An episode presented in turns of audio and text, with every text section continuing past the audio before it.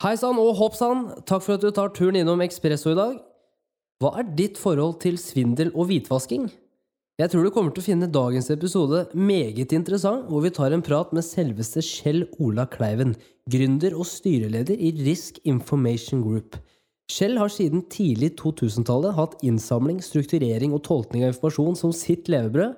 Kjells evne til å kommunisere trender og analytiske funn på et folkesett har gjort han til en gjenganger i mediebildet, og i 2000 og 2018 var han programleder for Svindljegerne på TV3, hvor han også fulgte kriminelle hele veien til Gran Canaria. Han har akkurat spilt inn en dokumentarfilm som kommer neste år, hvor han har levd med en psykopat i to år. Det er sikkert mange parforhold som kjenner seg igjen, men jeg vil si at dette er på neste nivå. Da Kleiven starta Risk Information Group for ti år siden, så lo folk litt, fordi at kampen mot hvitvasking og terror det var ikke noe vi dreiv med i Norge. Men i dag så jobber han med flere tusen bankfolk med compliance-risiko, og Rigg har alle norske banker som kunder. Og faktisk så er han også hos politiet og skatteetaten. Mannen er også innehaver av Norges største blogg, skrevet av en mann. Bloggen tar for seg alt fra risikofaget til forholdet hans til alkohol, og ikke minst livsstil. Ja, denne episoden her var en øyevekker for min del i forhold til hvordan kriminalitet tar plass i det norske bildet. Og jeg lærte også litt om Kleivens forhold til ja, work-life balance, det å ta vare på seg selv, men også gå all in. Det å tørre å satse. Det å på en måte alltid være villig til å ta imot råd fra folk som kan ting mer enn deg selv, men også være såpass trygg på dine egne evner, og forstå også at det er kun du som kan gjøre en endring, og det er kun du som kan virkelig lykkes med det du ønsker. Dette er episode 37 og Kjell Ola Kleiven.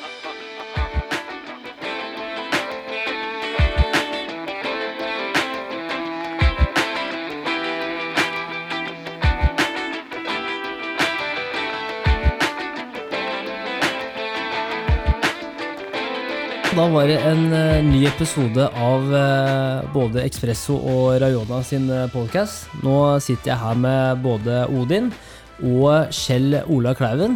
Kjell, hvordan går det? Ja, det går bra. Har du hatt en bra dag? Veldig, altså. Det er gøy å ha besøk. Og så er det jo morsomt å se noen som er litt yngre enn meg selv. Her på huset så er jeg yngstemann. ja. Så det her syns jeg er kos. Ja, hva er snittalderen her, da? Altså, jeg har godt voksne folk som jobber for meg, men det er fordi at de har gjerne vært med litt. Så jeg tipper de er rundt 50, par og 50. Neste ja. gutta. De er ti år eldre enn jeg er. Ja.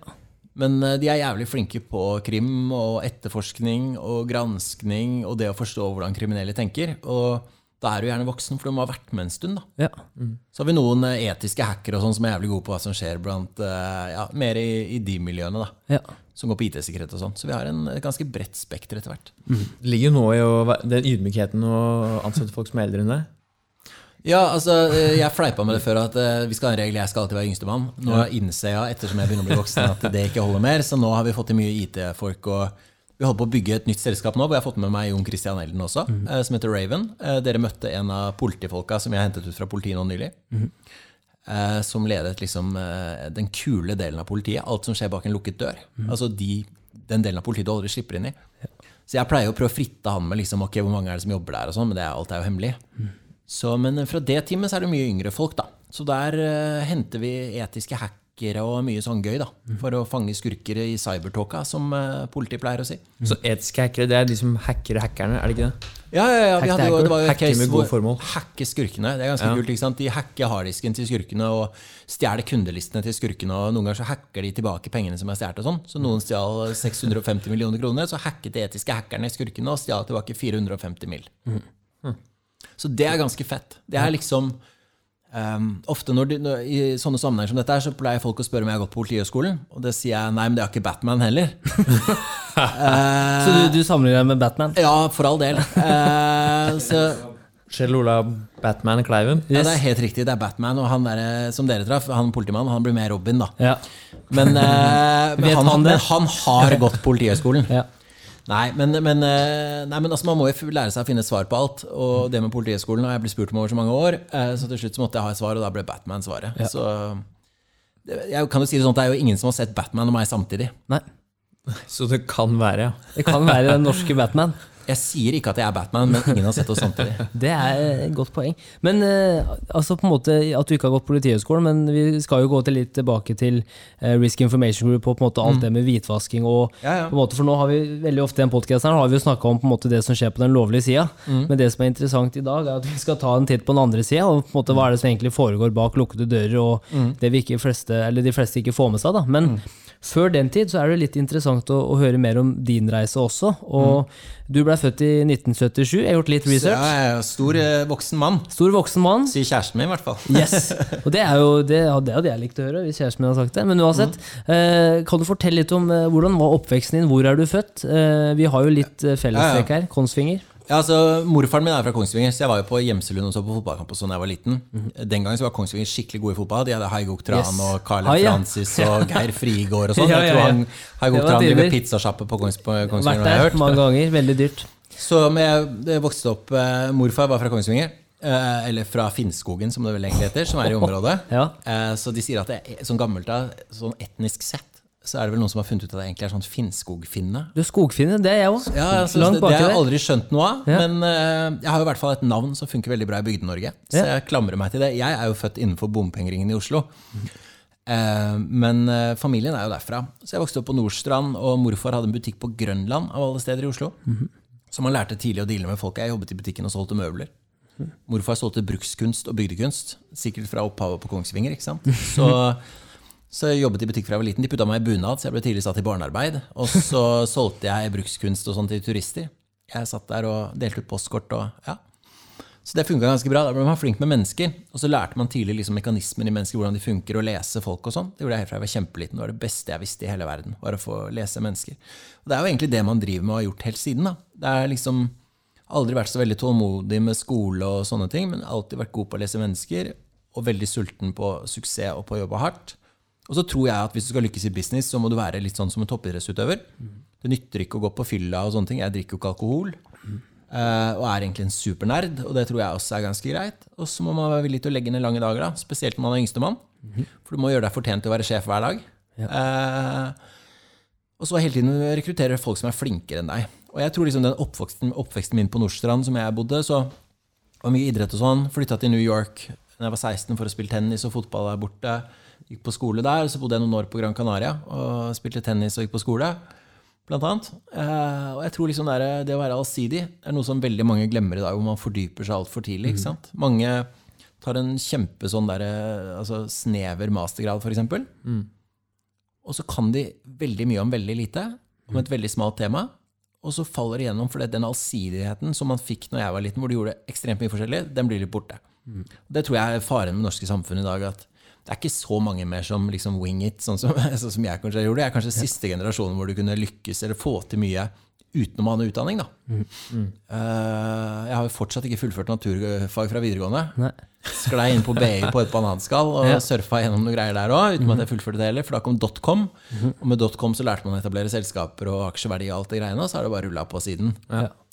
Men jeg tror liksom du kommer langt med glimt i øyet og kunne lese folk og, og det å være ja, rett og slett ville noe. da. Vilje, vil, gjennomføringsevne og vilje tror jeg er en jævlig god kombo, som mange kunne hatt mer av. Ja. Du, jo, du nevnte litt det med, med skoleinteresse og, og sånn, men hva, hva slags interesser hadde du på den tida? Du, du nevner litt det å, å på en måte eh, være god med mennesker, da. Eh, men hva slags ambisjoner hadde du når du var eh, ungdomsskolen? Hva slags tanker hadde du? Jeg, jeg ville spille fotball eller tennis, jeg. Når alle andre var på fest og sånn, så drev jeg bare med idrett. Eh, og eh, det var liksom eh, Min drøm var det. Så, men så så jeg at jeg hadde sånne kremmergreier. ikke sant? Jeg starta første selskap da jeg var 16. Eh, pappa og jeg har samme navn, eh, så eh, jeg skjønte at hvis jeg brukte samme navn som pappa, så trodde folk det var pappa som drev butikken, ikke jeg. Den butikken gikk jo ganske bra etter hvert, så men jeg startet sånn nettbutikk som solgte da bygdekunst og sånn på nett. Det het Trollfjord, for det er de to ordene flest amerikanere kan på norsk. Troll og fjord. Eh, så det var en greie jeg gjorde. Men liksom, ellers var det fotball, tennis. Jeg var veldig mye inne i idrett. Var glad i å seile. Uh, ser mye fotball fortsatt. Syns fotball er kjempegøy. Eh, og liksom, men det må være aktiv. da, Idrett. Jeg tror Hvis jeg skulle valgt noe annet enn det jeg har gjort, så hadde det sikkert vært noe idrettsgreier. Altså, Skulle jeg valgt i dag og vært ung, så hadde jeg sikkert vært personlig trener. For det, i dag så gjør jo alle det. Men jeg har liksom hatt den lidenskapen hele livet. da. Så Så det er en viktig del av eh, for deg i hverdagen også, å fortsette å holde på med idrett for å prestere bra på jobb også, kanskje? Jeg mener at det er ikke mulig å lykkes på toppnivå uh, hvis du eksempel skal bygge selskaper, hvis du ikke har et sted å på en måte bygge deg opp. Fordi veldig mye av hverdagen, eh, for å være psykisk sterk og sånn, så brytes man ned. I, eh, man løser problemer hele dagen lang. Og da trenger man en arena for å bygge det opp igjen. Og det, er, det beste for meg er trening. Uh, Jeg må trene, hvis ikke så, så fungerer jeg ikke. ikke sant? Det og søvn og mat og sånn. Og i perioder så jobber man jævlig lange dager, og det er et sjukt kjør. Spesielt når et eller annet går til helvete i verden og vi blir leid inn for å løse problemet. Og da er treningen det som uh, sikrer at du ikke blir en halvfeit, eh, tynnhåret, gammel kar som uh, havner på fylla eller sklir utafor. Det er et rotterace. Og i næringslivet, det er toppidrett, altså. Det er de fysisk og psykisk sterke som lykkes. Det er bare sånn det er, det. Hvordan, hva, hva slags forhold har du til work-life balance da? For at, eh, eh, vi kommer jo snart inn på, på måte, Risk Information Group, og litt sånn, men, men hva, hva har du lært gjennom livet som har vært viktig for deg i forhold til din egen helse? Da? Ikke sant? Du sier også at du Ja. kutter ut alkohol. Ja. Hva er grunnen til det? Jeg, jeg tror, sant, For meg så det er mange, man tar bevisste valg hele veien. Og for meg, alkohol altså, Jeg er veldig glad i melkesjokolade. Så hvis noen hadde bedt meg droppe melkesjokolade, så hadde jeg begynt å grine. Men alkohol ga meg ingenting. Nei. alkohol forbinder jeg med kaos og håpløse fulle folk, som jeg ser veldig ofte rundt i nabolaget mitt på Aker Brygge. Mm. det var veldig lett for meg å gi slipp på. For jeg trengte det ikke i livet mitt. Jeg ville ikke ha det der. Selv da jeg ikke egentlig hadde tatt et bevisst valg til alkohol, eh, så drakk jeg ikke, for det var, liksom, det var ikke noe som ga meg noe glede. Den dagen jeg tror liksom Jeg, skrev et blogginnlegg en gang. Jeg hadde blogg for Nettavisen om um, hvorfor jeg ikke drikker alkohol. Og det blogginnlegget ble delt av 32 000 mennesker på Facebook. Det var Norges mest leste blogginnlegg den dagen. Et, min best bevarte hemmelighet. Eh, og før det hadde jeg egentlig ikke tenkt at jeg var en sånn avholdsfyr. Jeg synes det er et sånn ord som minner meg om menigheten. Det er ikke noe jeg ville putte i min munn, egentlig. Men jeg tror grunnen til at så mange leste det innlegget, var at uh, man ser ut som en glad gutt, og folk forventer at man skal drikke alkohol. Eh, og folk vet at jeg er mye ute på restauranter og spisesteder og sånn rundt i nabolaget mitt. og sånn. Uh, men det er ingen som egentlig har tenkt over at man ikke drikker, fordi man er jo glad og utadvendt og kan deale med folk og sånn. Så jeg tror det mange kjente seg igjen, pluss at man liksom, de ble sånn Hæ, han? Men er han religiøs, eller Det er jo de spørsmålene man har fått opp igjennom. Er du gravid? Er du religiøs? Hvorfor drikker du ikke? For det er, altså, det, det er en energityv. Det gir meg ikke noe glede. Det gir meg ikke noe Det gir meg egentlig ingenting. Da trenger jeg det ikke. Så jeg kutta det. Og det har vært et sånt bevisst valg. ikke sant? Andre sånne valg er jo at store forsamlingene er fri gidder jeg sjelden. Mm. Jeg er oversosialisert i jobben. Jeg treffer mennesker, altfor mye mennesker i løpet av en uke. Når jeg er fri, så vil jeg være alene. Da går jeg i marka, går i fjellet, mm. bor i telt, drar på seilbåten min. eh, Ikke sant? Er med kjæresten, hunden, sønnen. Altså mer sånne ting som gir overskudd. Mm. være i naturen er kanskje det viktigste for meg, og de jeg er glad i. Og så vet jeg at sånn som med dere nå, og denne dagen hvor man har hatt liksom seks møter på rappen, så vet man man jeg blir sosialisert nok for evigheten. Så dårligste valg i verden jeg kunne gjort på kjærestefronten, hadde jo vært en som hadde hatt behov for å være sosial når hun hadde fri. For når jeg er fri, så vil jeg bare bort. Det er sånn, hvor, er, hvor, kan, hvor kan jeg komme så langt unna folk som det går an å komme? Ok, Innerst i Jotunheimen, vi kjører dit. Ja. Kan man telte der? Ikke sant? Da, da, da kan du ikke ha en kjæreste som, eh, som ønsker å ja, Nei. rave rundt i tettbygde strøk. Ikke sant? Ja, men det er, jo også, det er jo kjempeinteressant, og jeg tror det er veldig mange som Akkurat det, da. Hva, hvorfor gjør du de valgene du gjør? Og da tror jeg veldig mange tenker over ja, hvorfor gjør jeg egentlig det jeg gjør, og så finner man kanskje ofte ut at det handler mer om forventningene til andre folk da, enn seg selv. Eh, ja, Spesielt det med alkohol. Det er jo så stor og viktig del av den norske kulturen. Altså, Uansett hvor du jobber. Du, du blir invitert med på et julebord med masse øl og sommerfest med masse sprit og alt mulig. Så, så det er jo litt sterkt å klare å måtte bare kutte det helt også. Det er jo egentlig det letteste i verden, og ingen er populær, mer populær enn han som kan kjøre folk hjem. det er faktisk sant. Så man kommer jo godt unna det. Og eh, etter hvert så Jeg har lært meg et triks, da. Og det er at når folk er, har passert tredølen, så er det ingen som husker at du var der i første omgang. Så hvis du da Ja. går, så er det ingen Stordalen-trikset, som, er det ingen som legger merke til Jeg vet ikke, men det har i hvert fall vært liksom min hemmelighet opp igjennom. Det har vært å gå etter når folk har drukket tre øl, for da vet jeg at det er ingen som merker at jeg har gått. Sikkert før tolv. Ja. Du, hvis du sier dagen etterpå at du dro halv tre, men klokka var egentlig elleve, så kjøper folk den uansett. Og Og da pleier jeg å gå på trening eller Ja. gå og gjøre et eller annet som jeg har lyst til, eller gå hjem og spille PlayStation og spille Fifa. Og spiser Spiller mot kidsa og taper og spiller mot sjokolade. Er eh, dritfornøyd og bruker sånn der eh, footcoins for å prøve å kompensere for at jeg ikke har like mange fingre som de som er litt yngre. Men eh, nei, så det, er, man, det viktigste tror jeg er man, man tar sine veivalg i livet, og det får man betalt for en eller andre veien. Eh, er du på fylla, så får du betalt i hangover. Og er du hjemme og trener, så får du kanskje betalt i bedre helse hvis du er heldig. Noe er genetisk òg, det får man ikke gjort noe med. Og så får man bare ta det deretter. Kult. Ja. Kul intro. eh, Og eh, for, å på en måte skli mer over på det faglige Du har jo starta noe som heter Risk Information Group. Vi snakka litt om det før vi gikk på lufta her, men kan ikke du bare Ja, hva, hva er det? Altså For uh, ti år siden så hadde jeg jobbet som markedsdirektør i et stort selskap som heter Dun Bradstreet i noen år. Um, og det jeg så da, var at der analyserte vi økonomien til nordmenn. Um, og det jeg så da, var at eh, det var et nytt marked for anti-hvitvasking, antiterrorfinansiering og antikorrupsjon, kombinert også med svindel i Norge. Og det jeg så var at eh, det var et marked for å gå inn og etablere et analysehus som kunne gå inn og hjelpe bankene, finansnæringen, advokatkontorene og de store børsnoterte med disse områdene. Så jeg startet Risk Information Group. Jeg tror samtlige eh, deler av samfunnet avskrev oss.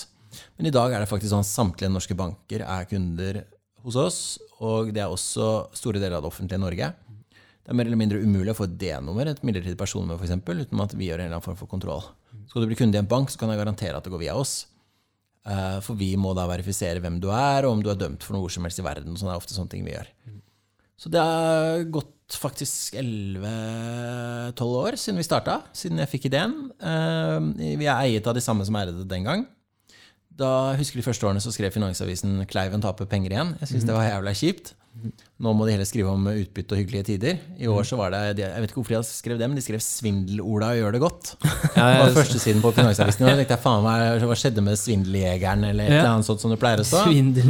Så jeg kjefta litt på dem for det. Men altså, man, det er sånn at når noen eh, Det har jeg lært meg etter hvert, eh, etter mange år med dette her, så eh, Man gjør det aldri så godt som folk sier at man gjør det når de sier at man gjør det godt, og man gjør det aldri så dårlig som, man, som de sier når folk sier at du gjør det dårlig. Sannheten ligger alltid et sted midt imellom. Og jeg tror vi på Risk Information Group skal si oss veldig fornøyd med utviklingen vi har hatt. Nå har vi også etablert et selskap som heter Raven, hvor vi har fått inn Jon Christian Elden, hentet inn noen sinnssykt flinke politifolk og starter et cybercrime-selskap. Nesten som en kommersiell etterretningstjeneste innenfor cybercrime. Det vi gjør der, er superrevolusjonerende. Og Det er liksom etterfølgeren og oppfølgeren til eh, Rigg. da. Så Rigg og Raven er liksom to utfyllende søstre. Eh, ja. Også, Bare sånn for å påpeke det, RIG det er da Risk Information Group. Mm. Ja, og Rigg starta ja, det er jo mange år siden. Det har bestått noen år, gjort det bra. Har kontor i Oslo, Stockholm, Helsinki og København. Nå er vi på Oslo-kontoret i dag, eh, sammen med dere. Eh, dere fikk jo hilst på noen av gutta før de gikk også. Dere fikk til og med noen krimhistorier på kjøpet. Yes. Røverhistorier. Det, jeg, kunne, jeg kunne sitte her hele kvelden og hørt på de historiene. Det er ganske kult, og det er jo folk som har jobba i felten. eh, Tidligere narkosbanere, folk som har jobbet i, i banker med krim og sånne ting. Eh, Hvis dere leser boka 'Kuppet', så står det også om Robert, som dere hilste på. Eh, Han var den som oppdaget at Nordea ble svindlet for 90 millioner kroner. Hvor 60 mill. fortsatt er borte. Hvordan oppdaga han det? Ja, det er hemmelig. Men, eh, notat men dere må lese boka, så får dere med dere ganske mye. Og jeg jobbet med Robert en gang, og jobber med Robert i dag. Og i dag så jobber, er Robert jeg har slutta i banken, og så er han litt pensjonist, og så jobber han litt for meg. For det er klart at når du jobber over 40 år i bank, med svindel og bedrageri og hvitvasking, så kan du ganske mye. Ja. Så Robert er en ressursperson for meg, og det er jo også Alf, som dere møtte på veien her, som uh, kommer fra det jeg Jeg elsker å kalle den for purken. Purken er jo god på to ting, pleier jeg å si. Dra på fartsbøter. Resten kan de overlate til oss. Ja. Så, men jeg lurer på, hvordan er det, den, eh, hvordan er det her starter, egentlig? Hvor, eh, hvor, altså der du kommer fra. Og, og det høres jo, som du sa, veldig revolusjonerende ut. All den teknologien og alle de produktene og tjenestene dere og, ikke minst alle de store kundene. Da. Det er ikke bare bare å få en bank som kunde. Altså, hvordan er det, hvordan er det, det har gått? Jeg tror sant, Gjennom Dun Bradstreet-tiden, jeg var der i over ti år, så lærte man veldig mye om hvordan man jobber med store banker. Og lærte hvordan store banker tenker, og hvordan man analyserer. Den gangen så analyserte vi jo dårlige betalere. Eh, Men når du på en måte lærer et fag gjennom å jobbe i et sånt selskap eh, Jeg begynte som key account og ga meg, så er jeg markeds- og kommunikasjonsdirektør og jobbet europeisk. Um, så det var jo en ganske sånn der, eh, hva skal man kalle det, en klatring. da. Du lærer jævlig mye underveis, og den læringen den var jo gull verdt. Og når man da ser liksom, ok, hva er det neste? Jo, det er hvitvasking, korrupsjon og terrorfinansiering. Ok, vi må inn i det segmentet. Ok, vi starter eget. Da har man med seg mye av kunnskapen om å jobbe med bank. og jeg hadde en mentor en gang som sa at du jobber med bankene, de går aldri tom for penger. Det er nesten sant. Vi hadde noe som het bankkrisen. Da måtte staten redde bankene. Men bortsett fra det så er det lurt å jobbe med bank. Og hvis du kan bank, og kan noe sært, sånn som svindel og hvitvasking og korrupsjon og terrorfinansiering er, så tror jeg på at da har du noe å komme med, og det har vi jo vist da over ganske mange år etter hvert. Hvordan har dere sett det utvikle seg med, altså spesielt da, nå som det alt digitaliseres? Hvordan er det kriminaliteten også digitalis Det blir jo mer og mer sofistikert, og når jeg tuller og sier at purken er god på drap og fartsbøter, så er det litt sant. For i dag så er skurkene high-tech, og purken er low-tech. Ja. Så politiet er ikke så god på sånne digitale verktøy og sånne ting. Eh, De har hengt etter. Um, Og der kan vi hjelpe dem litt, og gi dem litt um, fart. Og så Gutta som jobber hos meg, er veldig gode på å finne smutthull. Og vi har sånne øvelser som heter 'tenk som en skurk' og sånn. Hvor vi liksom setter oss ned og diskuterer hvis vi skulle svindle den eller den, eller hvis vi skulle hvitvaske penger her, hvordan ville vi gjort det? Og da treffer vi veldig ofte på sånn det faktisk gjøres. Så det henger jo sammen da, og så tetter vi hullene etterpå. Så det er måten vi jobber på. Eller vi kan jobbe tilsvarende med politiet eller andre som vi sparer med og leverer teknologi til. Da. Eh, ofte så Det vi leverer, er litt sånn science fiction. Det er sånn som folk ikke vet at det går an. Er kanskje Du fortalte en historie om noen sånne sorte bokser som står på kontoret her eh, før vi gikk på ja, lufta. De sorte boksene kom inn som et svindelcase, og de er liksom bare helt overfladisk. Men det morsomme er at jeg kan verifisere om dere er de dere sier dere er, mm. og om dere er dømt for noe som helst i verden i løpet av tre sekunder. Ja. Tør vi å gjøre det etterpå, Odin? Jeg, vet- Kanskje. jeg, jeg kan ikke tror, det snakke er for Odin. minst, jeg tror det er det minst farlige vi kan gjøre mens dere er der. Eller så har vi ganske syke, sofistikerte ting. Men kombinasjonen av dette er jo at det er gøy. ikke sant? For alle gutter har drømt om å være litt James Bond. Og hos oss så er hverdagen litt sånn. Ja. Det er ingen som slipper helt inn i skattkista for å se helt, hva vi gjør. Den svarte boksen er veldig lett å forklare, for det står så mange av den her nå. Ja. For det er noen som skal rulle ut sånne i morgen. Eh, Men al- alt det andre fins stort sett bare i cyberverden. ikke sant? Ja, for å ta det som et eksempel, da, da, den fungerer sånn. Det er en sort boks som uh, man kan legge inn, skanne inn passet sitt, og så, og så får du opp masse informasjon om ja, om du er kriminell eller du har gjort noe. Uh, så så det, må jo ha, det må jo være veldig mye informasjon om mange, eller alle personer et eller annet sted lagra. Det fins noen rare databaser Ja.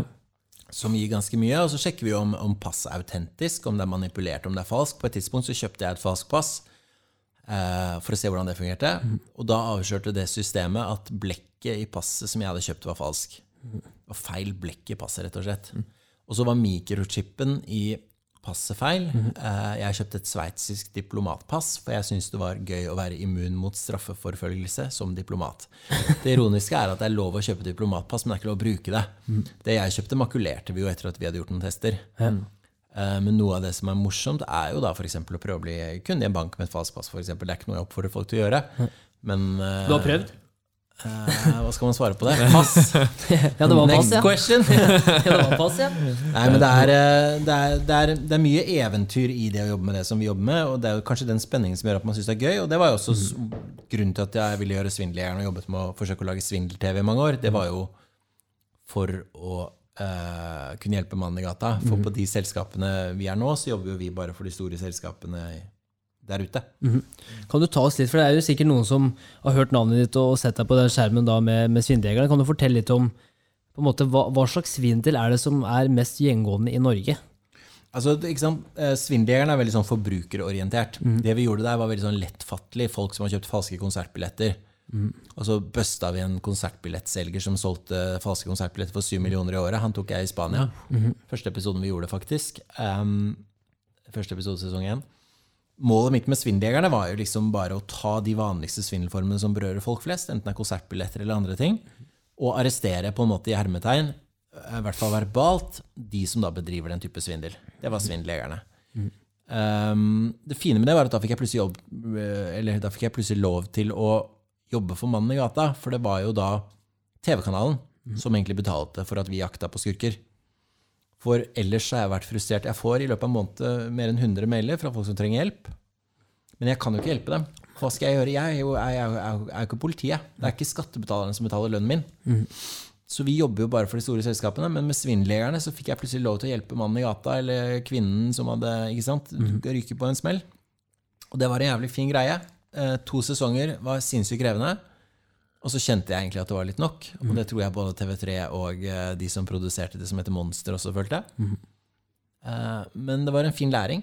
Så det blir jo mer TV, bare ikke Svindeljegerne. Men hvilke caser er det dere er mest borti nå? Altså, vi jobber med mye sånne store ting, ikke sant? men det kan være altså, alt om, Hvis noen forsøker å stjele 100 millioner eller 50 millioner, eller det kan være alt mulig rart. Det kan være hvitvaskingsrutiner for banker, det kan være å fange opp korrupsjon, det kan være nesten hva som helst innenfor det som er grovt. Ikke sant? Innen, I motsetning til svindeljegerne, som hjelper en dame som har kjøpt en rasekatt som ikke er en rasekatt. Eh, Blir litt puslete. ja, men det var jo litt dilemmaet mitt, eller problemet med å gjøre det. Det er ikke det at det ikke er noe synd på hun som har kjøpt den rasekatten. Nei. Men uh, det er en veldig stor overgang fra det vi ellers gjør. Ja. Men metodene vi bruker, er jo de samme.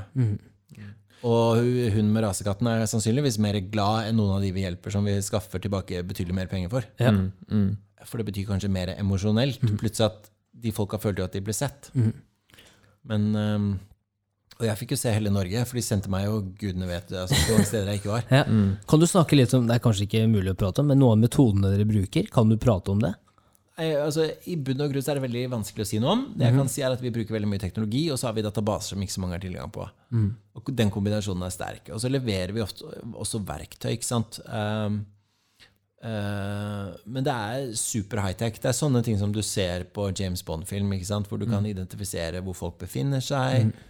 Du kan verifisere hvor folk er. ikke sant? Du kan verifisere hva folk driver med. Eh, ofte så det vi gjør, handler om å identifisere ukjente mennesker på internett. Ja, for da, da tenker jeg, jeg liksom der, da, da tenker jeg eh, Edward Snowden, liksom. Er, Vi kan gjøre veldig veldig mye rart. men Er det det er dark web? Er det det vi prater om her? ja, det, det kan vi også gjøre. Ja. Vi er en av de få som har verktøy for å indeksere dark web. Mhm. Så et, hvis vi hadde gjort et søk nå, så kunne jeg funnet alle som i dette sekund forsøker å selge narko eller, eh, Mhm. eller stjålne kredittkort på dark Ja. web. Kan du fortelle oss litt om dark web? Altså, fordi jeg er liksom Jeg har jo hørt om det så mange ganger, men jeg, jeg kan ikke si jeg er noe, jeg kan ikke si jeg er noe særlig klok på det. Kanskje du veit, Odin, men hvordan er det man kommer inn på the dark web? Altså Ikke at jeg spør for egen Du bruker jo gjerne en Tor-browser, ja, f.eks. det har jeg eh, hørt om, eh, faktisk. Det er bare det tar ti minutter å laste ned Tor-browser, så kan du gjøre akkurat hva du vil. Men det er, altså det er jo Det har vært et sånn der, Kall det en dark spot, da, hvor folk har kunnet få gjøre litt som de vil. Og så er det jo ikke helt sånn mer, men det er ikke alle som skjønner.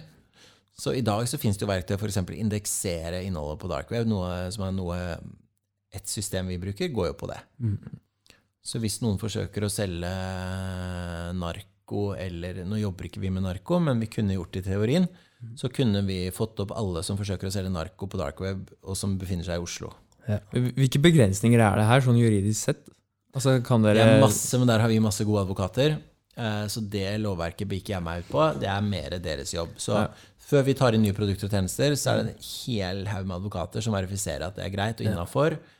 Og så er det f.eks. hvis vi leverer noe til myndighetene, så kan de gjøre andre ting enn om jeg leverer det til en bank. Mm. Men, men eh, altså, sånn personvern er jo veldig Ikke at vi skal liksom gå ned hele den gata der, men Nei, nei. det er jo det, veldig mange snakker jo om det, og man har inntrykk av at eh, man ikke har lov til å gjøre så mye, eller i hvert fall myndighetene i Norge. Da. Men det høres jo ut som om eh, dere kan gjøre nesten akkurat hva dere vil. Vi kan jo ikke det. Men eh, lovverket beskytter forbrukerne, eh, og eh, rettssystemet beskytter på mange måter de kriminelle, inntil de er dømt. Um, Det er et teknologikappløp som gjør at det utvikles ting hele tiden. Som gjør at personvern står sentralt, fordi at de tekniske mulighetene er langt beyond hva vi kanskje tror er mulig. Folk pleier å spørre meg liksom, ok, hvis jeg skal være sikker på å ikke bli avlyttet, hva bør jeg gjøre? Da sier jeg nummer én, du bør i hvert fall ikke ha med deg mobilen din. For i praksis, da, hvis vi skal tenke litt sånn i ren teori eh, Når dere kom hit i dag, la oss si at jeg ville avlytte dette møtet, så kunne jeg fjernaktivert i teorien mikrofonene på telefonen deres, så kunne jeg teipa hele dette møtet. Og så kunne jeg avspilt det i etterkant, eller hørt det live. Uh, hvis jeg skulle svindle en av dere, så kunne jeg, jeg kunne ringt deg med din stemme, og så kunne jeg spoofa ditt mobilnummer. Mm Spu, hva spoofe? stjålet, så det sett ut som jeg hadde ringt fra nummeret ditt. Så hadde jeg ringt til deg, og så hadde jeg hørtes ut som deg i tillegg. Ja. Eh, og så kunne vi hatt en dialog om den praten vi skal ha nå, f.eks.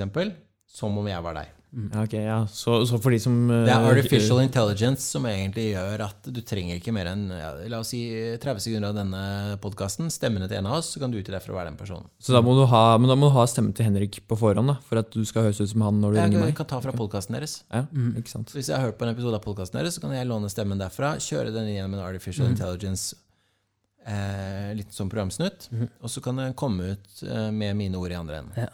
Det burde jeg egentlig ha tenkt på før jeg starta en podkast. Sånn tilfelle folk tror jeg begynner å svindle folk. Det er ganske. Det er ikke sikkert det er Henrik som snakker på sida her. Hvem er det som egentlig fins sitter her? en risiko for at det er en annen. Og og disse tingene er litt sånn Ok, mange tenker at det er science fiction. Uh, andre verktøy så kan du f.eks. Uh, du kan uh, være utenfor dette bygget, og så kan du få opp alle mennesker som egentlig befinner seg i dette bygget nå. Eh, så vet du hvem som er i bygget. Så Veldig greit hvis f.eks. en eller annen eh, MC-gjeng skal ha et møte hvor det skal skje et eller annet kriminelt. Så kan man egentlig kartlegge hvem er det egentlig som befinner seg her. Altså, Teknologien har ingen grenser i dag. Eh, ofte så leverer vi teknologi til de som bruker sånne systemer. Andre ganger så leverer vi kunnskap eller know-how eller whatever. Ja. Fellesnevneren for det vi gjør, er at vi um, henter inn det som er råest i verden på teknologi, tilpasser lokalt i Norge. Og så leverer vi det til de som har lov til å bruke sånt. Vi bruker det jo ikke selv. Nei. Er det, ja. jeg, jeg har bare tenkt altså, Hvis vi har Barack Obama og Donald Trump og Elon Musk på neste episode, så ja. Så er det bare, er det bare Kjell som har kan hjulpet oss med å få laga en videostøtt. Men, eh, men eh, Kanskje litt vanskelig å si, da, men, men har du noen Altså, Hva slags eh, råd og tips, eller sånn absolutt don'ts, er det du har til nordmenn i dag i forhold til bruk av teknologi, og hva er det man bør være obs på? Altså Om det er å handle på nett, eh, om det er på en måte ene og det andre. Hva er dine erfaringer? Har du, er det noe du Altså, jeg tror det største problemet er at vi nordmenn elsker å ta i bruk ny teknologi, og så forstår vi ikke helt hva det innebærer. Vi skal ha siste nettbrettet, vi er eh, eh, Vi skal alltid ha det siste av alt uten å forstå nedsiden. Og så tar vi alt vi ser på nett som god fisk. Eh, for noen år siden var det noen som stjal bildene mine på Facebook og laget en falsk profil. eh, på Tinder der heter jeg Marius32. og Jeg er vel fornøyd med at jeg var 32 når jeg var 42. Eh, men utover det så er det liksom Du kan aldri være sikker på hvem det er du egentlig har kontakt med. Det å stjele folks profil er veldig enkelt. Det finnes også egne verktøy for å for få passord og brukernavn til alle sånne tjenester à la Facebook, Instagram osv. Um, så på nett vet man aldri hvem man egentlig har kontakt med. Og det tror jeg folk glemmer. Eh, hvem er det egentlig du får melding fra? Er det den den utgir seg for? Og da fins det noen måter å verifisere det. Eh, Noen er enkle, noen er mer avanserte. Men um, de tingene der tror jeg er liksom der folk flest tryner. Du har uh, folk som, som liksom blir datingsvindlet for eh, 13-14 millioner, mister hele arven og sånn. De har jo åpenbart bomma på hvem de har kontakt med. ikke sant? Ja. Mm. Så, men alle blir svindlet i løpet av livet. Jeg har blitt svindlet, jeg også. Det um, er den nye hverdagen. I dag så er det narkonettverk og alt mulig. De driver med svindel og bedrageri, for det er mer lønnsomt og korte straffer og liten sannsynlighet for å bli tatt. Ja. Så pumper de pengene inn i narko, terrorfinansiering og annet etterpå. Og det er grunnen til at denne kampen er så viktig. Det er grunnen til at jeg startet Risk Information Group i første omgang. Det er at dette er ikke et individproblem, det er et samfunnsproblem. For hvis vi lar folk svindle oss og ikke prioriterer det i politiet, så ender de sakene opp i terror og nark. Er det noe vi vil bekjempe, så er det jo terror og nark og drap. Ja. Det er jo der penga havner. Det er bare at eh, det er milliardindustri å svindle folk. Eh, før vi kommer til konseptet med hvitvasking, altså du nevnte jo at du hadde blitt svindla sjøl. Altså, hvordan var det dette her skjedde? Jeg skulle på ferie med hun som var kjæresten min da, og sønnen min og eh, hennes to barn fra tidligere forhold. Og så hadde jeg leid hus. Før jeg kjøpte eget hus i Spania, så hadde vi leid et hus i Spania. Men da vi kom ned, så fantes ikke det huset. Og jeg hadde betalt 30 000 for ja, hva var det, en eller to uker? To uker. Og da måtte jeg bare Jeg er ganske god på å ta ting på sparket, så på, da, det vi landa på flyplassen, måtte jeg bare booke, booke et nytt hus. Ja. Hvordan fant du ut at det ikke var der, før du kom dit? Jeg hadde en sånn dårlig magefølelse, og så gjorde jeg sjekka litt. For jeg, jo, jeg har gått på Jeg gikk videregående skole på Gran Canaria, så jeg er jo Litt lommekjent? Ja, men det hadde bare gått litt fort. ikke sant? Hele Ja. den bookinggreia som det så ofte gjør. For jeg måtte bare finne sted, og så booka jeg det, og så fantes det ikke, og så var de, gikk de folka under jorda, og jeg, og jeg hørte aldri fra dem igjen. Ja. Så øh, det var, det var på en helt vanlig altså, Ja, Hvor booka du det? Liksom, ja, Finn.no. Ja. Mm. Fant du folk? Ja. Så, Så og lett det, det ble også sånn Jeg tror det var Dagbladet-sak. Svindeljeger ble svindlet. Ikke Mhm. Ja. mitt stolteste øyeblikk, men uh, det er kanskje greit å si at alle kan bli svindla. Ja. Men så, hvis vi tar steget videre da, i forhold til ehm, altså det med hvitvasking. Jeg tror det er veldig mange vet hva, har hørt hvitvasking, hørt ordet hvitvasking. Kan du ta oss litt igjennom hva er det egentlig hvitvasking er, og hvordan, hvordan er noen eksempler på å gjøre det? Altså, alt kan jo hvitvaskes. Hvitvaskes handler egentlig om å gjøre noe som f.eks. svart økonomi. Ulovlige penger. Gjøre de hvite, eller få de til å fremstå hvite. De blir jo aldri hvite. Nei. I praksis, ikke sant, tidligere så var hvitvasking det var cash som man eh, klarte å stue inn i en bank, eller noe sånt, og så ble de liksom hvite penger som man liksom hadde skatta av. Eh, hvitvasking er jo å gjøre kriminelt utbytte mulig å bruke. Uh, det er masse hvitvaskingsoperasjoner. De fleste bruker noe som heter layering. Layering, Da flytter du penger fra land til land. Uh, gjerne gjennom eh, ulike skatteparadiser. Godt eksempel er jeg hadde besøk av verdens største hvitvasker back in the days, som jobbet for de colombianske narkokartellene og meksikanske. Han, var og besøkte meg i Oslo. peiling, ja. Vi har holdt foredrag sammen. eh, Og han heter Ken Rejock, har skrevet en bok som heter The Laundryman. Han fløy pengene, han fløy eh, fulle fly med cash til Karibien. Betalte en korrupt minister, fikk det inn i banksystemet. Flytta det mellom masse land i banksystemet. Uh, satte opp et eiendomsselskap som han kalte for Barclays Property i London. Og kjøpte opp eiendommer f.eks. i Norge. Eh, vi gikk eh, ned en gate i Oslo og da sa han See this building? I bought this building 10 years ago for drug money. Eh, og da Barclays Property kjørte penger til Norge, lånte opp resterende som de manglet. Pengene var rene, men det var egentlig crack-penger fra New York. Hvitvasking. Det handler om å skjule svarte penger og gjøre de hvite. I praksis er ikke penger nødvendigvis svarte eller hvite, men de er kanskje grå.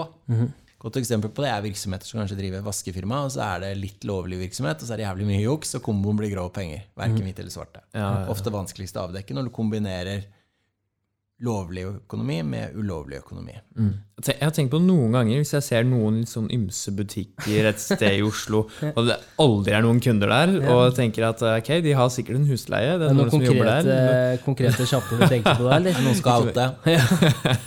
Det Et eh, triks der er jo I gamle dager så var det veldig vanlig at noen hadde ekstremt høy kontantomsetning. ja. Og høy kontantomsetning var et tegn på hvitvasking. Men i dag så er det bare det jeg kaller for skogsmatroser som bruker kontanter til hvitvasking. Ja. Eh, Da er det bedre å bruke bitcoin eller Monero eller altså sånne ja, for det var det neste spørsmålet egentlig.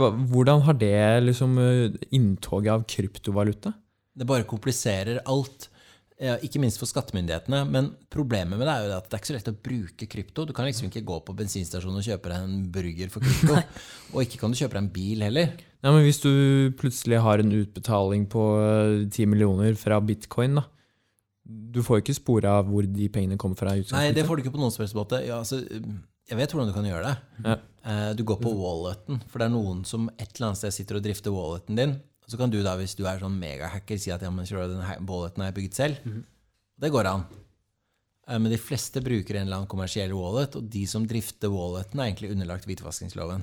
Så der okay, så- skal det egentlig kunne spores. Men i praksis så gjør det sjelden det, for at de er jo tjent på å beskytte din identitet, slik at du bruker deres wallet. Ja, så Coinbase for eksempel, er et eksempel. Og de, de er, er de pliktige da til å åpne seg opp? Og si I hvor- teorien, men det skjer jo ikke helt sånn. Men så finnes det jo da verktøy igjen for å da finne ut hvor, hvem er dette egentlig sin greie. ikke sant? Du kan trekke det ned på IP-adresse, eller kanskje på, på metadata.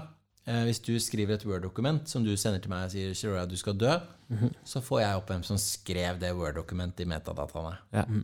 Og Det er sånn vi ofte jobber for å verifisere hvem er det egentlig jeg har med å gjøre. Få dem til å sende et dokument, og så ser vi hvem som har opprettet det dokumentet. Noen ganger hvis det er flinke kriminelle, så er metadataene falsk. Mm. da er det en annen historie. Ja.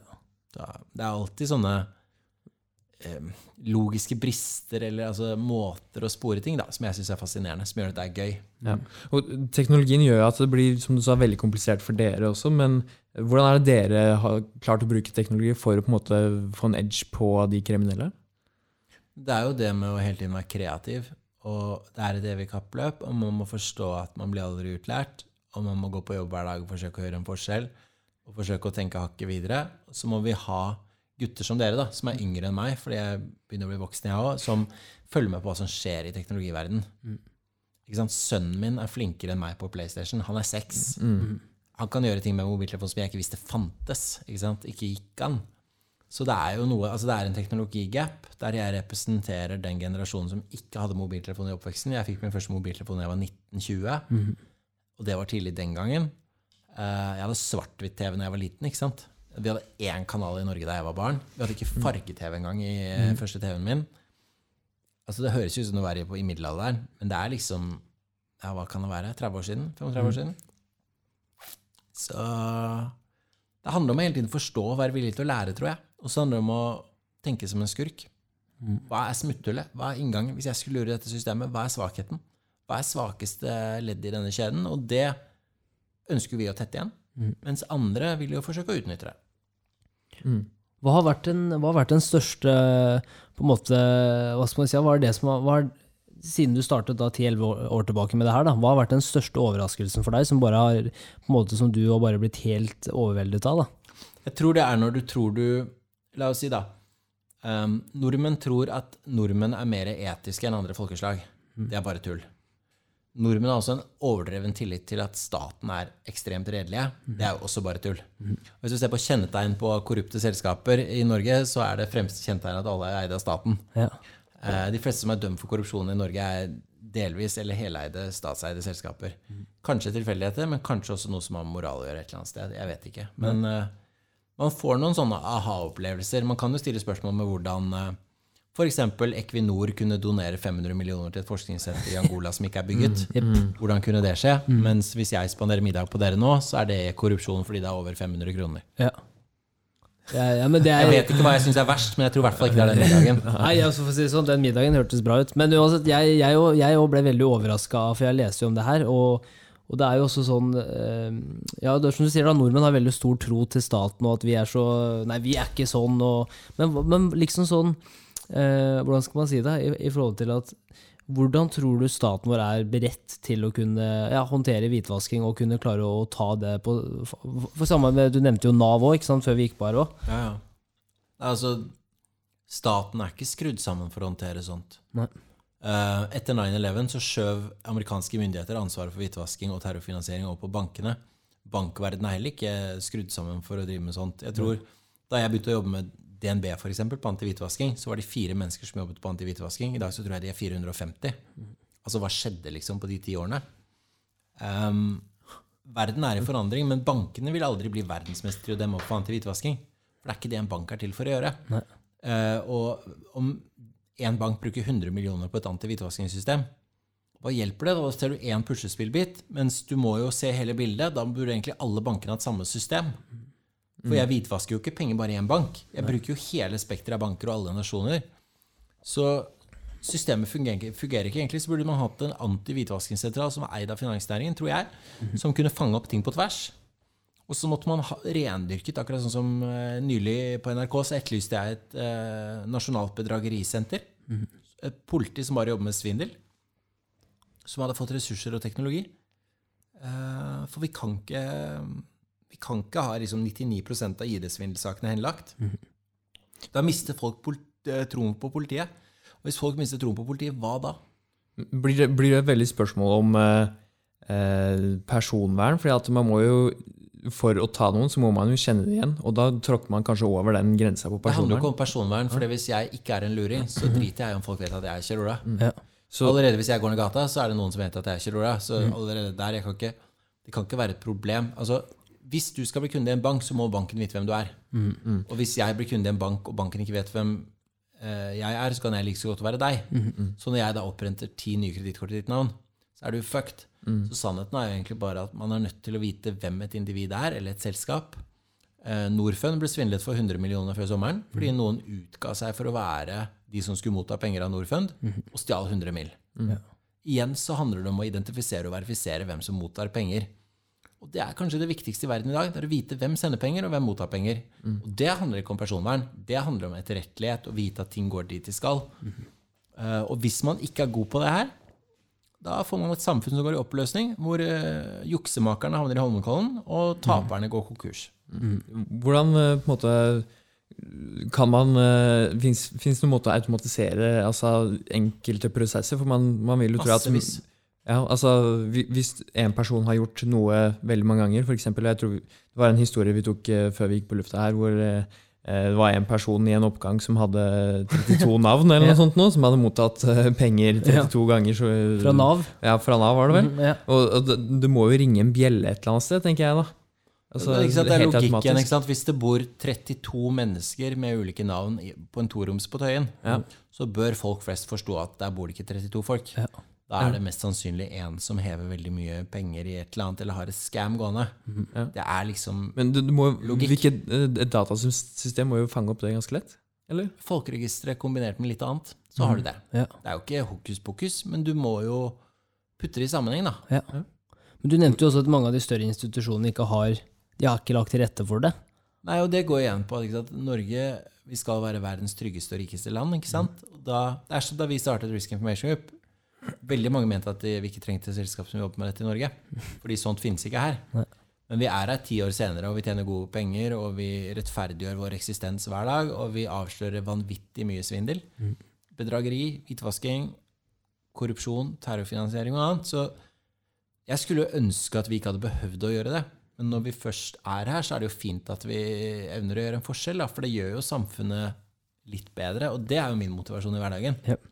Jeg har aldri vært motivert liksom, av penger. og sånne ting. Jeg er mer motivert av det å prøve å gjøre en forskjell, og så er pengene som poeng i et dataspill. Hvis jeg spiller bra, så forventer jeg mange poeng. Ja. Mm. Litt som på Fifa, egentlig. Bare der taper jeg, da, selv Ja. om jeg spiller bra. Det er jo en annen sak. Kids er for gode. Heldigvis så finnes det viktigere ting å være god i enn Fifa. Ja, ja, ja, det er sant. Ja, altså, men sånn fredagskvelden når du er da- midt nede i melkesjokoladen og taper sjette kampen på rad, så går du litt i kjelleren. Det er Da blir det noen flere melkesjokolader. kanskje. Mm. Men, eh, men når vi prata på telefon for noen eh, uker tilbake også, Kjell, så var jo du i Stavanger for å, du spilte inn noen scener med den nye filmen Mm. som kommer i april neste år. Ja, ja. Eh, og det er også en veldig interessant overgang, for da, da tar man jo litt den altså når Jeg nevnte det i stad, litt sånn rosa-TV fra Svindeljegerne, og tar det et steg videre. Det ja. Nå lager vi veldig mørk TV. veldig mørk TV. ikke sant? Eh, kan du ta oss litt igjennom på måte, den ja, første når du spilte inn Svindeljegerne, og der du er nå, og starta på en måte det nye firmaet som Mm. også selger Underdog heter det. Underdog selger produksjoner da, til både Norge og utlandet, Mm. som tar den balansen da, mellom eh, lov og orden. Altså, Svindeljegerne var jo liksom Jeg hadde lenge hatt lyst til å gjøre svindel-TV, og så ble det til Svindeljegerne. Og det var veldig morsomt å få jaktet skurker på TV. Ikke minst for å løpe etter dem og sånn, for det har jeg ikke gjort så mye som analytiker. Som jeg egentlig er. Og da endelig fikk jeg bruk for alle de pushupsene. For det var jo liksom noen ganger det gikk en kule varmt. Ja. Men eh, Svindeljegerne var jeg stolt av da vi gjorde det. Men så er det noe med at man vokser, da, ikke sant? Og på samme måte som podkasten deres sikkert er noe annet i dag enn den var da dere gjorde det første gang, så opplevde jeg at jeg ville ha mer kontroll på prosessen. Så ville jeg lage noe jeg virkelig kunne være stolt av. Og da laget vi ikke den nye filmen som vi har laget for Norge. Den heter 'Psykopaten'. Vi laget den for å nå et internasjonalt publikum. Så målestokken vår da vi laget den, var å selge den til USA eller utlandet. Hvor vi også gjorde det. Jeg kan ikke si hvor, men det kommer ut neste år. Men, men målet mitt var liksom det store utland. Jeg ville lage det så det så ut som det store utlandet òg. Mhm. Eh, det er et helt sinnssykt team som jobber med den. Ja. Uh, hvor noen er uh, Altså, det er folk fra ulike land som har vunnet priser og gjort fete ting før. som er en del av det teamet. Så, men essensen er jo egentlig at vi går mye dypere inn i kriminalitet. Altså, jeg, jeg har hengt med visse miljøer over flere år og fulgt dem tett på kroppen. På rømmen fra politiet med torpedoer etter og hatt med meg eh, en av favorittkameramennene mine fra Svindeljegerne, som jeg tok med videre. Og så Ja, vi har vært i Nye filmen ble presentert i Cannes i fjor høst, som gjorde at vi, den ble solgt til noen land. da. Så nå er vi i siste finish. Jeg var på opptak forrige uke. Siste opptak denne uka. Det er sånn jeg gjør på kveldstid. Det er liksom sånn Du henger av dress og skift og tar på deg skinnjakke og hullete jeans. Eh, og så skal du liksom ut og jakte skurker eller gjøre Det er um, Beste av to verdener, da. ja, det er litt sånn kult. Det er, ikke sant? Men det er Du får en helt egen innsikt av å få snakke med disse folka, og at de syns det er gøy å fortelle om sitt univers. Du nevnte jo litt eh, ja, for du, du nevnte jo det, ikke sant, at eh, du viser oss promo av, av psykopaten, bokstavelig talt. Uh, og da, da sa du også at de har jo også et ønske om å bli sett, ikke sant, få fame og, og vise hvor smarte de er. Kan du, kan du Alle mennesker har behov for å bli sett. Og Definitivt. Og Ellers hadde å snakke om seg selv, for hvis ikke så hadde ikke vi hatt noen folk i denne episoden. Det Nei, er denne podkasten. er Sånn helt er det. riktig. det er mekanismen i mennesket, og det har dere skjønt. ikke sant? Det er samme Mm. måte som altså, eh, Vi lever i narsissismens tidsalder, og det ser man veldig godt på sånne sosiale medier og sånn. Eh, Men de kriminelle er også der. Mm. De ønsker å bli sett og få høre hvor geniale de er. Mm. Så i løpet av en måned, la oss si at jeg får 100 mailer fra folk som har blitt svindla, så får jeg sikkert 20 fra folk som svindler folk. Mm. Som ønsker å fortelle om hvor smarte de er, og hvordan de lurer systemet. Jeg lærer jo like mye av både mailene fra de som har blitt svindlet, som av Ja. de som svindler. Hvorfor de kontakter meg, jeg aner ikke, men etter svindlerne så tror jeg liksom jeg ble støttekontakten for både de svindlede og svindlerne. Ja. Eh, For du ønsker jo også å forstå ja, hvorfor du gjør det, ikke sant? det er- jeg er jo ikke politi, så jobb, og jeg er ikke rettssystem heller. Så det er ikke min jobb å dømme noen. Men jeg forsøker alltid å forstå. Inngangen min til å treffe svindlerne på svindljegerne som jeg konfronterte, Mm. var jo liksom Du må hjelpe meg å forstå hvorfor du gjør det du gjør. Mm. Jeg vil ha din side av saken. Hvordan begynte du med det her? Hvordan ble du kriminell? Hvorfor gjør du det? Og da tror jeg de i større grad er villige til å stille og snakke ut. Og når de først begynner å snakke ut, så får du jo de gode historiene. Og det er kanskje drivkraften min. da. Det er å forsøke å forstå dem. Fordi hvis du kommer fra litt sånn trøblete barndom og sånn, jeg hadde jo også det på et sett. og jeg tror jeg hadde et etisk kompass som gjorde at ikke jeg kunne havnet i de banene, men det er tilfeldigheter, altså. Ja. Så, men jeg tror de gutta på en måte, eller, og jentene for øvrig, jeg tror de på en måte også ser det litt. At man ser dem, da. Og det tror jeg alle liker. ikke sant? Eh, så kan jeg gå og si at det du holder på med, er helt forkastelig. Men da får du også respekt for at du faktisk er ærlig med dem. Mm. Eh, jeg setter dem jo litt på plass òg. Ja. Eh, og det er jo På Svindlejegerne ble vi jo truet med pistol. Eh, under det vi har gjort nå, så har det jo vært eh, noen eh, runder der hvor det kunne gått skikkelig gærent. Ja. Men det Du føler jo ikke at du har vært ordentlig på TV-jobb hvis du ikke har vært eh, i litt sånn shady greier. Fått litt puls. Du skal ha litt puls. Ja. Det tror jeg dere vil se når dere Dere fikk jo se promoen. Jeg håper dere likte den, Ja, ja, forresten. det Ja, var, vi kunne det- sett, ja, vi- sett hele. for å si Hadde det du sånn. bare latt hele filmen gå, så hadde jeg sittet her i Vi kveld. For å si det sånn. Den er ikke ferdig, Ja, ja, men men eh, jeg så jo også at du, du så veldig på oss for å på en måte se etter ansiktsuttrykk. Hvordan reagerte vi? Og jeg var helt jeg var, på en måte, jeg, Dette er en sånn typisk dokumentar, hvis vi kan kalle det det. Som jeg øyne kunne og Jeg sett. tror dere er midt i målgruppen, begge to. Definitivt. Det er jo, det er jo veldig mørkt. Ja. Det skal sies, altså. Det her er ikke en lystig historie fra, fra liksom eh, men, men den, er, den er sterk, og den er bra. Og, og for meg så er det å løfte ting til et nytt nivå, da. Ja. Noe jeg også ser med de jeg får jobbe med. Han som klipper filmen, han gjorde bl.a. Fucking Åmål og Ja. Lilja Forever. Mm. Det er ganske stort for meg at en sånn fyr sitter Ja. og går gjennom scenene jeg har gjort. og sånn. Eh, det sier liksom litt om nivået på de vi eh, jobber med nå, da, Mm. Ja. ute i verden. Kan du ta oss litt igjennom Kan du snakke litt om filmen? Altså, for vi, vi så jo promoen, og det er jo eh, Det er ja. ikke så veldig mye jeg får lov til å si, Nei. annet enn at jeg har levd med en kriminell psykopat, blant annet, Mhm. og gjort litt annet også. Og det jeg forsøker å forstå nå, jeg forsøker å komme ordentlig inn i hodet på de som ingen i utgangspunktet kan forstå. Mhm. Altså de som er så gale og kriminelle og hinsides at verden bare skygger unna. Ja. Der vil jeg inn. Mhm. Og så har jeg lyst til å gjøre det på sikt, så har jeg lyst til å gjøre det mer ut i den store verden. Mm. Fordi jeg syns det er fascinerende. Fordi man, det har liksom blitt litt min bane. Da. Jeg kan liksom ikke Det er for sent for meg å lage Portveien 2, liksom. Eller Barne-TV eller Sesam Stasjon. Jeg, må, jeg har nå en gang blitt sånn at jeg har blitt han krimfyren da, som Ja. kan krim og forstår de greiene der. Så da Ok, hva må vi gjøre? Vi må gå mørkere, da. Ja. Og så gjør vi det hardcore. På svindeljegerne så ble ofte kjærestene til de kriminelle tatt bort. Ja. Noe som frustrerte meg, for de var jo ofte medkriminelle. Viktig del av ja, ja, ja, ja. brikka. Ofte de som brukte opp penga. Mhm. Eh, Og de pengene kom inn på deres konto og sånn. Men nå, har vi, Mm. nå lar vi kjærestene skinne, og vi vil ha hele bildet. Ja. Mm.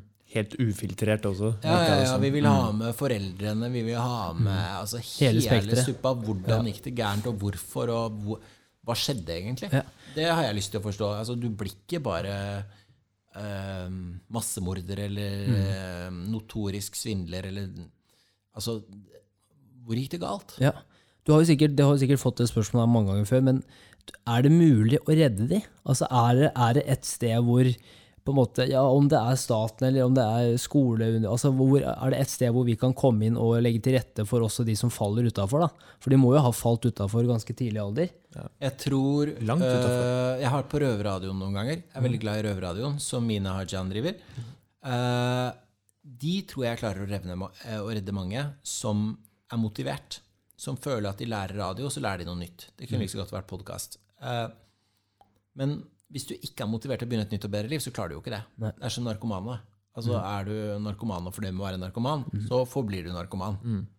Har du et brennende ønske om å komme deg ut av det, så kan du, et menneske kan klare hva som helst. Men hvis livet ditt handler om å, være, å bli Norges beste kriminelle, Ja. da får du, ja, du kommer aldri på rett kjøl. Og hvis de klarer det i tillegg ikke- Og da ikke og da kan ikke samfunnet fange deg opp. ikke sant? ja, og jeg tenker jo, hvis, hvis de klarer det i tillegg, så hvorfor skal de? på en måte? Nei, og det er litt av det som jeg syns er fascinerende med dette, er òg at um, noen velger å leve et liv som vi andre ikke tror eller vet at finnes. Og hvorfor velger de det? Og altså, jeg hadde jo dødd hvis jeg skulle vært i livet til f.eks. han siste jeg har fulgt nå, i mer enn et døgn. Altså, jeg hadde ikke fått sove om natta, jeg hadde vært konstant redd for å bli drept eller bli tatt av politiet, eller Jeg hadde ikke takla det et sekund. Men for han så er det det som gir livet mening. Er det mulig å se noen, eh, noen kanskje litt drøye sammenligninger mellom eh, den type person du beskriver nå, og i de litt andre miljøene som er mer sånn eh, finansiell kriminalitet? Altså en psykopat på gata og en CEO i et stort selskap? Det er akkurat samme så Hvis du først er et ytterpunkt eller har en diagnose eller er ekstrem, så er det jo akkurat de samme mekanismene. Det er Ikke sant? Du har øh, Noen mennesker er overeksponert på visse sider i personligheten. Mm. for eksempel at de alltid skal stå i sentrum. Eh, noe av det beste jeg vet om i verden, er å få være pluss én. Når kjæresten min tar meg med på noe, og hun er den som står på gjestelista, jeg er pluss én. Jeg syns det er jævlig befriende, for det forventes ingenting av meg. Nei. Jeg kan bare liksom skli inn. Og, Amen. Ja, og hvis Ja, du få bare vil hjem og Ja, spise melkesjokolade og spille PlayStation, så kan du gjøre det akkurat når du vil. Absolutely. Men hvis noen inviterer meg på noe jeg føler jeg må gå, og de forventer i tillegg at man skal gå inn i en sånn svindeljegerrolle eller et eller annet sånt, det må jo være det verste i verden. Får du mye av det? Altså, folk forventer at du skal være den du er på TV? Mm, det skjer. altså senest, Vi var på Power i dag og skulle se på noe nettbrett sammen med han politimannen som jobber hos meg, som deltrafikkstat. Tidligere politimann. Og da var det en dame som eh, skulle snakke om uh, svindeljegerne, og hun skjønte ikke at vi hadde dårlig tid, for vi skulle jo treffe dere. Um, så da var det Da var det mye svindeljegerprat. Men det er klart, det er jo noen år siden det ble spilt inn. Eh, TV3 er veldig glad i å kjøre det på repriser. Jeg tror vi sikkert har gått 100 ganger på reprise. Eh, vi må være det programmet som går mest på reprise, tror jeg. Eh, men Det er jo fordi det var populært. Men det er jo sjeldnere og sjeldnere at, at folk tar det opp med en. Når det går i reprise, så hører man det ofte. Og da får jeg mye meldinger. Og så stopper det opp. Nå det er også litt motivasjon med å gjøre TV ute i verden, og ikke nødvendigvis hovedfokus på Norge. er at Da får man være mer i fred her hjemme. Ja. Og så syns jeg det er gøy å kanskje gjøre ting som appellerer til andre land også. ikke sant? Det, det er litt dette med å hele tiden pushe videre, bryte barrierer, prøve noe nytt. Ok, vært på TV3 før. Um, prøve noe nytt nå. Ja. Ja, jeg, jeg, gleder meg til å, jeg gleder meg til å se den på skjermen neste år. Den Ja, kan eh, kan vi kult. anbefale, selv om vi bare har sett traileren. Ja, det var Jeg tror dere får eh, Dere kommer til å sette både grøten og kjeksen og pizzaen i halsen og melkesjokoladen Jeg satt satte jo vann i halsen, og det sier jo litt. Og så er det pusle grensene, men det er meningen. For dette er ikke, det er ikke Vi tar ikke bort noe med mindre advokatene våre juridisk sett sier at det må bort. Så, og så har jo har det vært en veldig nøye prosess i forhold til personvern og sånne ting. Um, men virkeligheten er tøff, og det skal denne filmen også være. Så når den er ferdig utpå vårparten neste år så, og vises, så håper jeg at den kan fortelle veldig mange om en brutal norsk virkelighet som veldig mange ikke vet at finnes, enten det er snakk om i utlandet eller i Norge. Ja, Det er akkurat det jeg syns er så interessant òg, at uh, istedenfor den derre ja, Vi har det så trygt og godt i Norge, men også se den siden da, av hva som skjer. Faktisk. Ja, vi er litt naive. Vi er veldig naive, det vil, det vil, jeg, vil, jeg, vil jeg eh, definitivt si. Um, sånn avslutningskjell, så Avslutningsvis, Kjell. Avslutningskjell, det var, var veldig bra, Norge. Nytt nickname. Simple Ola Yes, avslutningskjell. avslutningskjell. Yes, men sånn avslutningsvis, så, så nå har du jobba med altså folk fra både i forhold til hvitvasking i bank i mange år, jobba med på en måte narko i, i politiet. og da er jo et naturlig spørsmål for meg, Odin, er eh, kan du fortelle noe av de råeste skøyerhistoriene du har eh, fått høre gjennom de siste ti åra? Altså, Politimannen her, han gikk jo um, Han eh, gikk jo da dere kom, holdt jeg på å si. Eh, For han er jo den som kan narko og sånne ting. Men jeg syns jo det drøyeste av alt Altså, hvis dere tenker dere om, ikke sant Største ranet i Norge, alle sier Nokas. Det var 50 mil. Jeg syns det er helt hinsides at noen klarte å stjele 650 millioner kroner på én operasjon i Norge. Og den er nesten ikke omtalt i mediene. Hvor var dette? Hvor og når? Det var et Stavanger-firma i 2016. Det syns jeg er ganske sjukt. Eh, For tenk dere, hvis du stjeler 650 millioner og kommer unna med det, da bør du aldri jobbe igjen. Ja. Men det ble stjålet på nett, og via teknologi. Er det lenge siden? 2016.